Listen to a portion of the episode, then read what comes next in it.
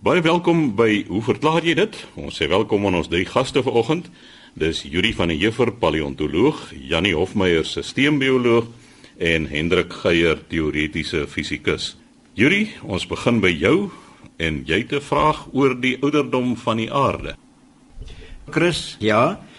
Na aanleiding van 'n vorige program waar hierdie saak geopper is, het ons terugvoer gekry van Chris Nel en uh, hy lewer kommentaar op wat ons gesê het deur aan my te sê dat die aarde se ouderdom is glad nie soos die wetenskap dit bepaal het nie, maar is inderdaad baie jonk in die omgewing van 6000 jaar en sy opmerking is dat al die water wat op die aardbol was voor die skepping, dis volgens hom 6019 jaar gelede, was in absolute temperatuur en dis gevries.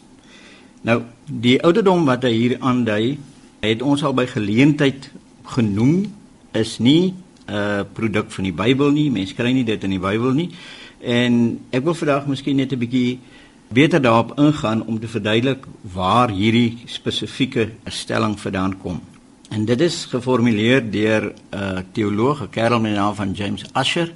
Hy was die aartsbiskop van Armagh in Ierland en ook die primaat van Ierland. Dit is die voorste, die eerste teoloog in die land, net soos die aartsbiskop van Canterbury dan die primaat van Engeland is. Nou James Usher is in 1581 gebore en hy's oorlede in 1656 en hy was nie sommer 'n hierjy gewees nie. Hy's op 13 jarige ouderdom universiteit toe. Hy was professor gewees toe hy 26 jaar oud geword het. Hy was by meer as een geleentheid die kanselier van uh, Trinity College in Dublin. So mens moenie sy verwerkings en sy aannames se muur weggooi nie. Nou een ding wat mense moet noem van hom want dit het later betrekking op die bespreking is dat hy geweldig gekant gewees het teen die Katolieke geloof en die Katolieke kerk. Hy teen hulle gepreek en geskryf.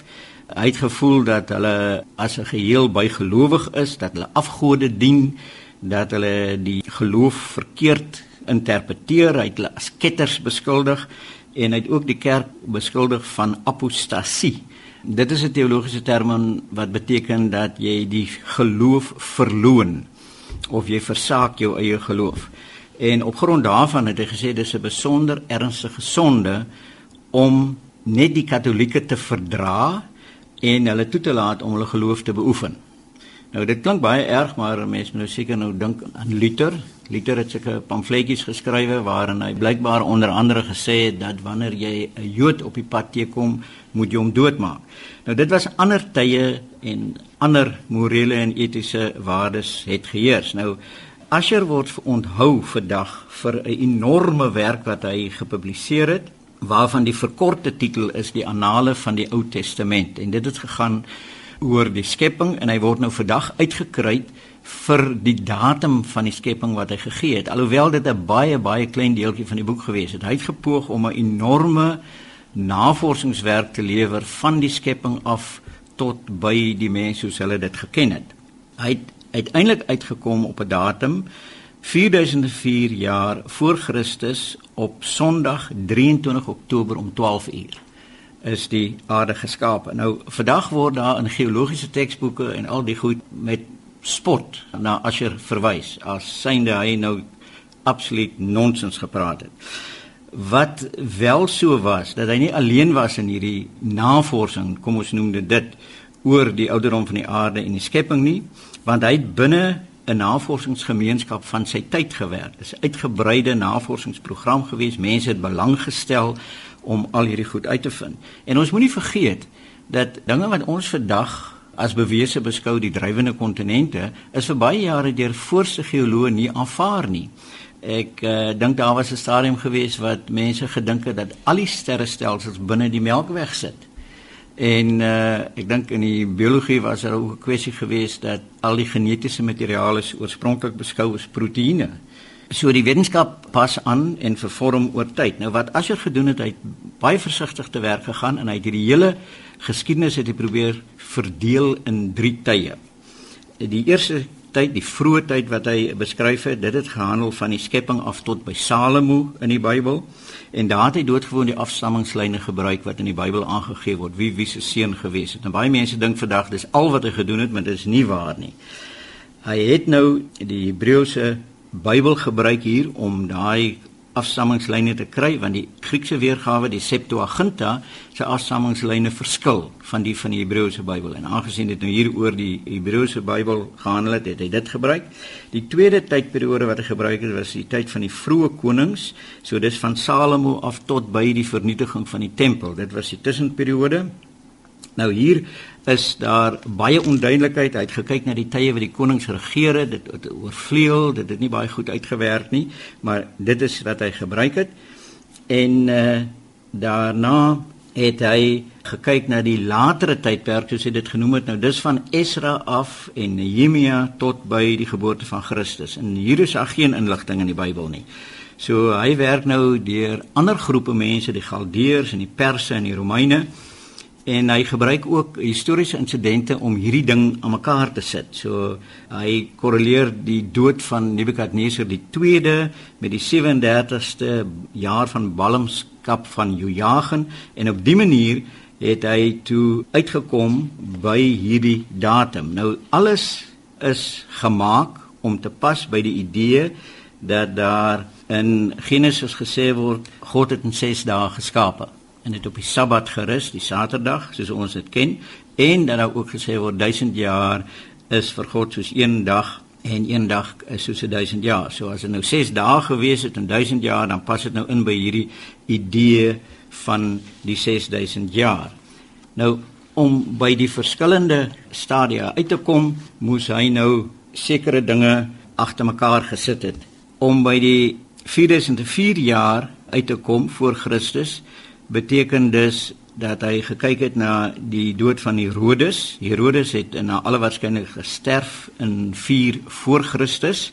En as dit so is dat hy met die wyse manne gepraat het dat die baba seuns vermoor is op sy opdrag, kon Jesus nie na 4 voor Christus gebore geword het nie. So dit is waar die 4 vandaan kom. Nou deesdae is daar nou addisionele inligting wat gekom het en daar's mense wat sê maar dit behoort nie 4 voor Christus te wees nie, dit moet 1 voor Christus wees. En dit verduidelik dan daardie datum hoekom hy op 23 Oktober besluit het. Hy was nie alleen in hierdie navorsing nie, die sterrekundige Kepler en ander het gereken dat die skepping begin het in die lente want hulle die tydsbepaling van die Galdeërs en die Babiloniërs gebruik. Asher en Josefus, 'n ander skrywer, het gevoel dit moet herfs wees want dis wanneer die Joodse jaar begin en hulle het dan die Hebreëse Bybel gebruik as die basis van hierdie kronologie.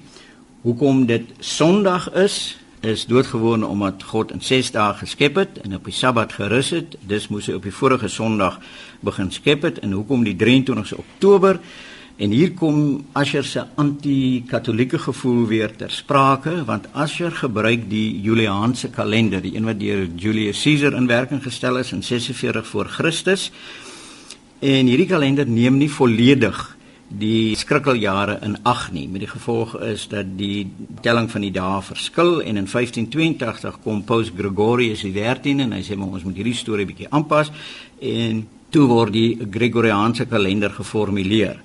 En gesien teen die agterlig van Asher se aversie aan die Katolieke Kerk het hy toe besluit om die Juliaanse kalender te gebruik want hy het hierdie ander kalender as 'n uh, Romeinse komplot gesien. Gevolglik kom ons nou uit by die 12 uur. En al wat daar gebeur het is dat Asher besluit het waar in die Bybel staan laat daar lig wees, het hy besluit is op 12 uur en die 23 Oktober is gebaseer op die Joodse kronologie wat die maan neem om maan maande voor te stel en dit stem nie ooreen met die standaard sonkalender nie. En hy besluit toe op herfs, die eerste Sondag na die dag en nag ewening en besluit toe om dit die middag 12 uur te maak. So dis 'n bietjie meer agtergrond oor waar daai spesifieke ding vandaan kom. Nou Chris, as jy nou sê dat die aarde op daai stadium gevries gewees het, al die water was gevries, dan dink ek het jy die kat bietjie aan die stert beet. Ek het 'n goeie vriend hier op Stellenbosch, Herman Grobler, hy's 'n ingenieur en hy het altyd 'n probleem met mense wat kom met projekte wat hy moet voltooi en dan deur die loop van die projek nie goed genoeg gemeet het aan die begin nie en dan die projek wil aanpas en verander en dit veroorsaak 'n groot kom probleme. So hy het uitgekom met die stelling om te weet moet jy meet. Nou in hierdie geval Chris het jy nie gemeet nie. Dus kan ek sê dat jy nie weet nie. Want as 'n mens daaraan dink dat die Nylvallei vir die afgelope 10000 jaar al beset is met mense wat landboubedrywighede daar beoefen, elke jaar wag vir die vloed, ploeg en plant is dit baie snaaks dat hulle nie opgemerk het dat al die water in die Nyl gevries gewees het 6000 jaar gelede nie. Ouer plekke waar mense gebly het, byvoorbeeld by Göbekli Tepe in Turkye, is daar bousels wat ongeveer 9000 jaar oud is, geen aanduiding van bevrore water nie. Jericho self is omtrent 8000 jaar oud en um, daar's geen aanduiding teologies of wetenskaplik dat die goed in daai omgewing bevries gewees het nie. So die gevolgtrekking wat ek hier maak is dat jy nie die inligting het nie en ek kan dus sê met die volle ondersteuning van die teologie en die wetenskap en 'n mens moet nou besef ons het al baie op die program gesê dat die wetenskap geen die finale resultate nie dat dinge kan verander oor tyd maar daar is sekere goed wat ons nou al kan konstateer en een daarvan is die ouderdom van die aarde in biljoene jare eerder as in duisende jare. So met die volle gewig van die teologie en die wetenskap agter my dink ek kan ek sê jy is hier verkeerd. Aldus Yuri van der Heever, ons paleontoloog. Volgende aan die beurt is Jannie Hofmeyer, ons sisteembioloog. Jannie, jy het 'n vraag ontvang oor die builepes. Ja, Chris, dankie. Ek kry 'n brief van 'n uh, onderwyseres in Malelaan, sy noem haarself Juffrou Meisie en sy sê sy en haar graad 3 leerders Die het in die koerant gelees onlangs dat die builepes of ons noem dit soos wat ons dit ook ken die swart dood in Kirgistan uitgebreek het. Nou wil hulle weet of dit hier by ons kan gebeur en moet mens van die vleis van 'n besmette dier eet of is dit net die vlooie wat dit wat die pes kan oordra en kan ons iets hieraan doen as dit met ander woorde geneesbaar of voorkombaar? Nou dit is inderdaad so dat hierso aan die eind van Augustus was daar 'n berig gewees dat 'n 15-jarige seun van die builepes gesterf het in Kirgistan. Hy was 'n skaapwagter gewees en die veronderstelling was dat hy nou deur 'n vlooi gebyt is wat nou die pes gedra het. Maar blykbaar het hy ook daar in die berge wat hy nou 'n herder was, het hy van die knaagdiere wat daar voorkom, dis 'n groot marmot wat daar voorkom, dit hy gebraai en geëet en dit kan wees dat die marmot natuurlik nou ook besmet was met die pes.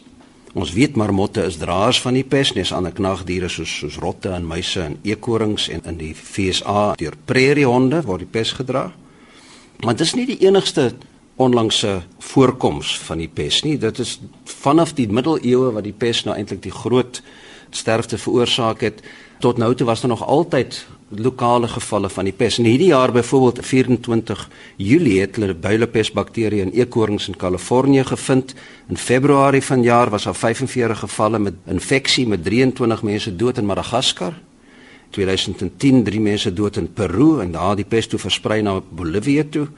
Ook in 2010 13 mense dood in Noord-Uganda en in ook dieselfde jaar vyf gevalle van die pes in een sterfte in Tibet en 2008 twee mense in Tibet. So dit is heel dwars oor die wêreld is daar plekke wat die swart dood voorkom. Natuurlik die bekendste geval of geskiedenis van die pes is nou die swart dood wat in die middeleeue voorgekom het in 'n beraamde 30 tot 60% is nou so iewers tussen 75 en 200 miljoen van Europa se populasie uitgewis het en natuurlik geweldige invloed gehad het en sodoende die hele geskiedenis van ons moderne samelewing tot 'n mate bepaal het.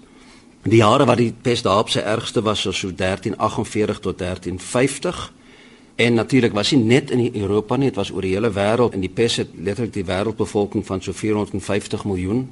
As mens nou dink hoe veel vandag is, 450 miljoen klink min, maar verminder na 350 tot 375 miljoen. So 'n enorme invloed wat die pes gehad het. Natuurlik dit was nou lank voordat dit enigsins bekend was dat hierdie soort siektes deur bakterieë of virusse oorgedra word en wat mense op ons moderne kennis iets daaraan kan doen.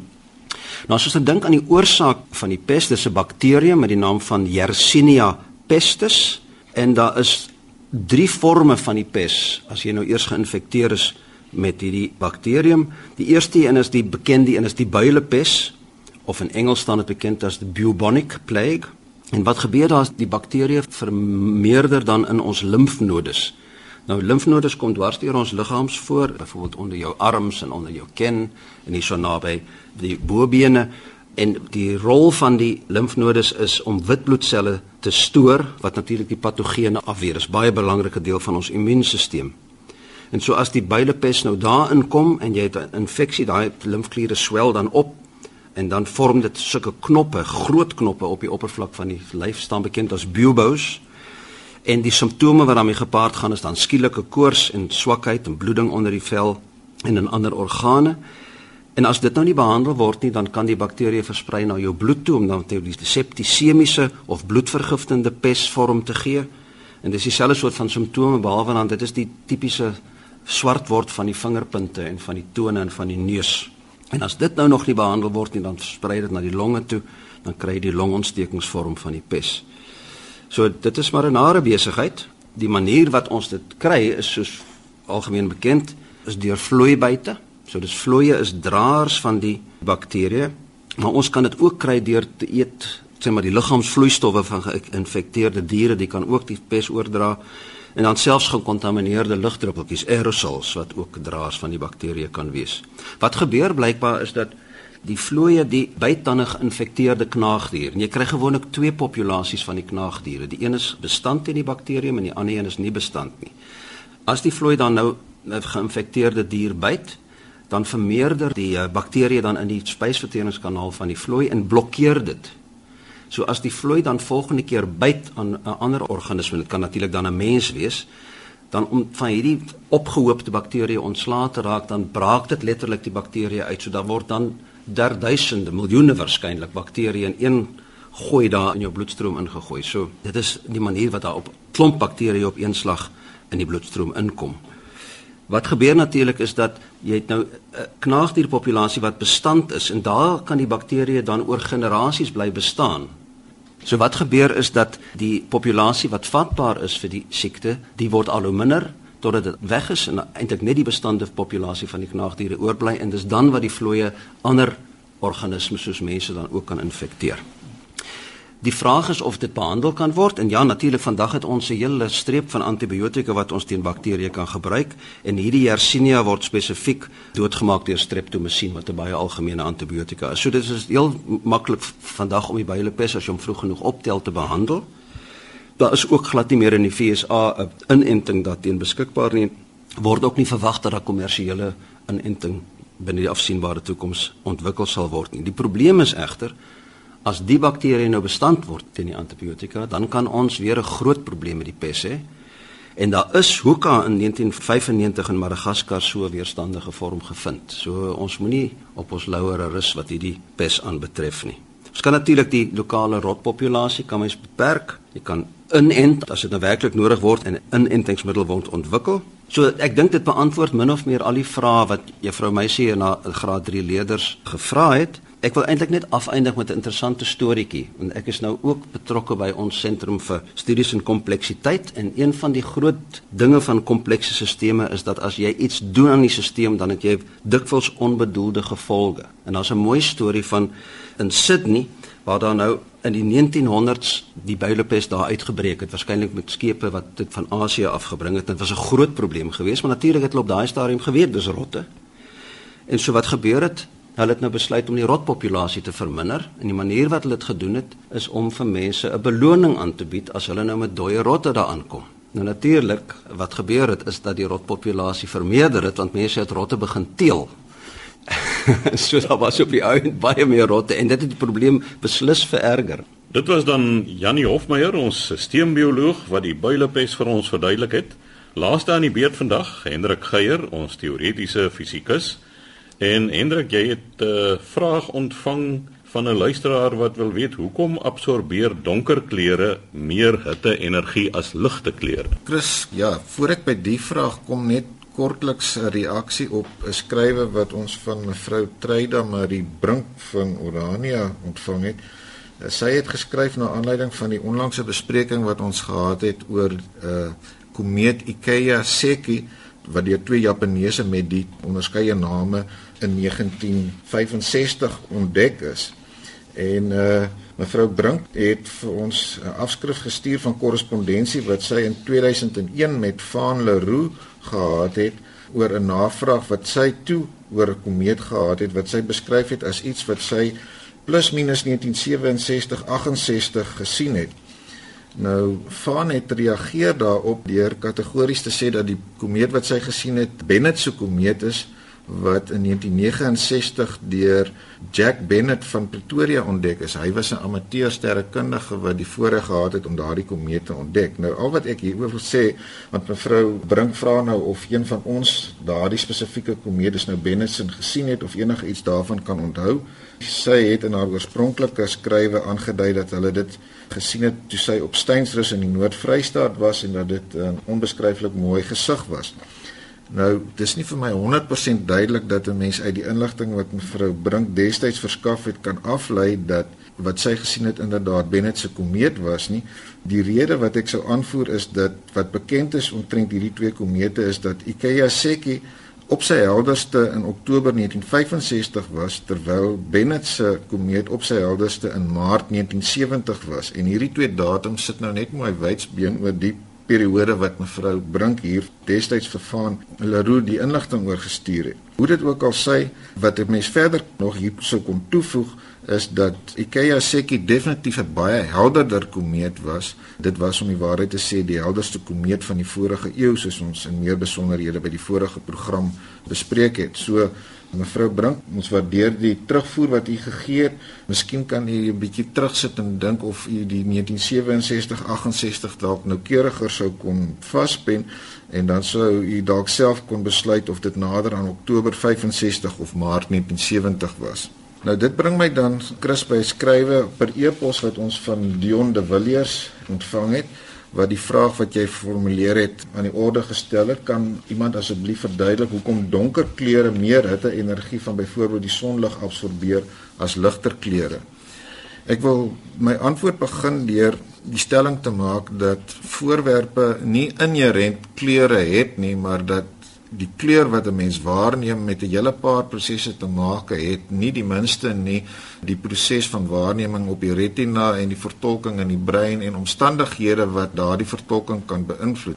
Nietemin 'n mens neem kleur waar in die eerste plek omdat lig op 'n voorwerp inval en tot 'n mate of gedeeltelik weerkaats of verstrooi word, gedeeltelik geabsorbeer word.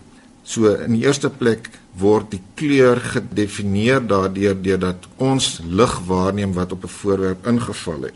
En die mate waartoe 'n voorwerp 'n sekere komponent van die lig absorbeer, definieer dan uiteindelik die kleur. As ons 'n stapie terugvat, onthou wit lig of sonlig bestaan uit 'n verskeidenheid van kleurkombinasies. Mens sien daardie individuele komponente wanneer jy byvoorbeeld deur 'n prisma kyk of as jy 'n reënboog waarneem, dan besef jy dat wit lig hierdie verskillende kleurkomponente het. Normaalweg word daar na sewe verwys, maar dis eintlik 'n kontinuum van kleure wat daar verteenwoordig word.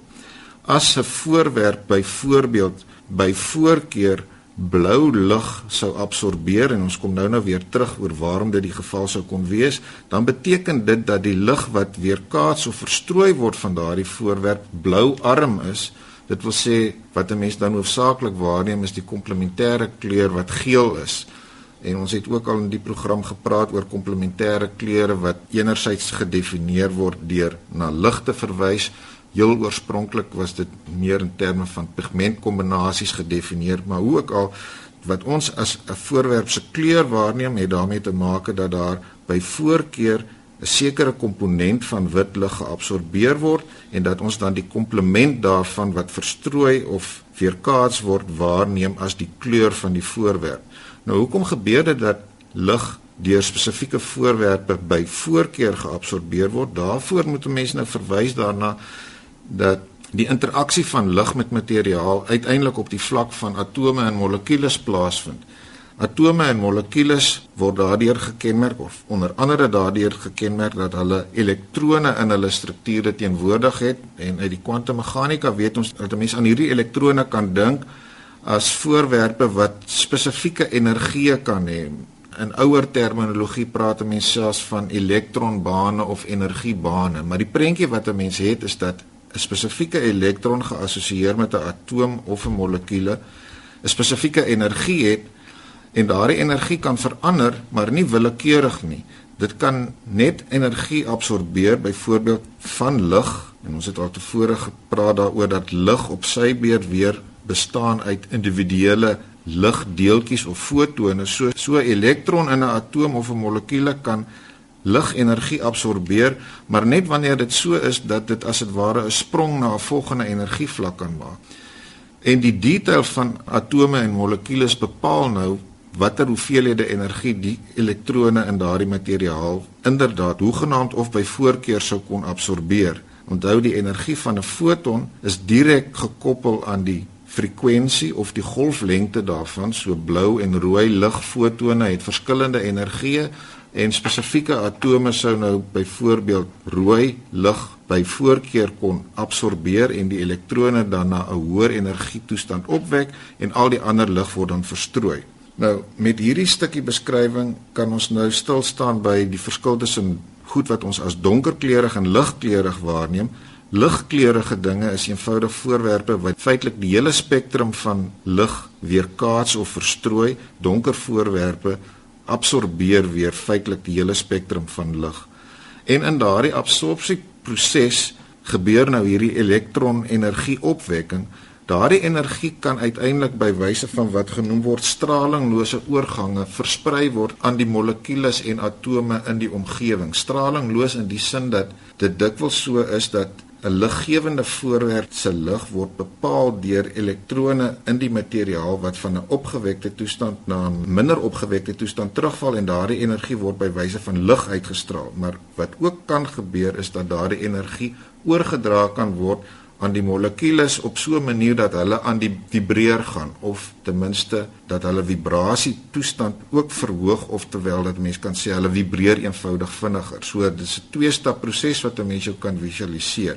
En ons weet vibrerende molekules is die bron van wat ons as hitte waarneem. So die lang storie kort gemaak beteken dan dat donker voorwerpe absorbeer meer lig. Daardie ligenergie word uiteindelik oorgedra aan die molekules wat op hulle beurt reageer deur vinniger te vibreer en dit laat dan uiteindelik die voorwerp warmer word of ons as ons dit sou meet of aanvoel sal ons daardie temperatuurverskil natuurlik kan waarneem. So ek hoop Dion dat dit volgorde van prosesse min of meer vir jou aan mekaar sit en help verstaan hoekom donker voorwerpe dan tipies warmer sou word as jy hulle blootstel aan sonlig as ligter voorwerpe. En so verduidelik professor Hendrik Geier, ons teoretiese fisikus, is welkom om aan ons te skryf met vrae. Rig dit aan hoe verklaar jy dit posbus 2551 Kaapstad 8000 of stuur 'n e-pos aan chris@rsg.co.za.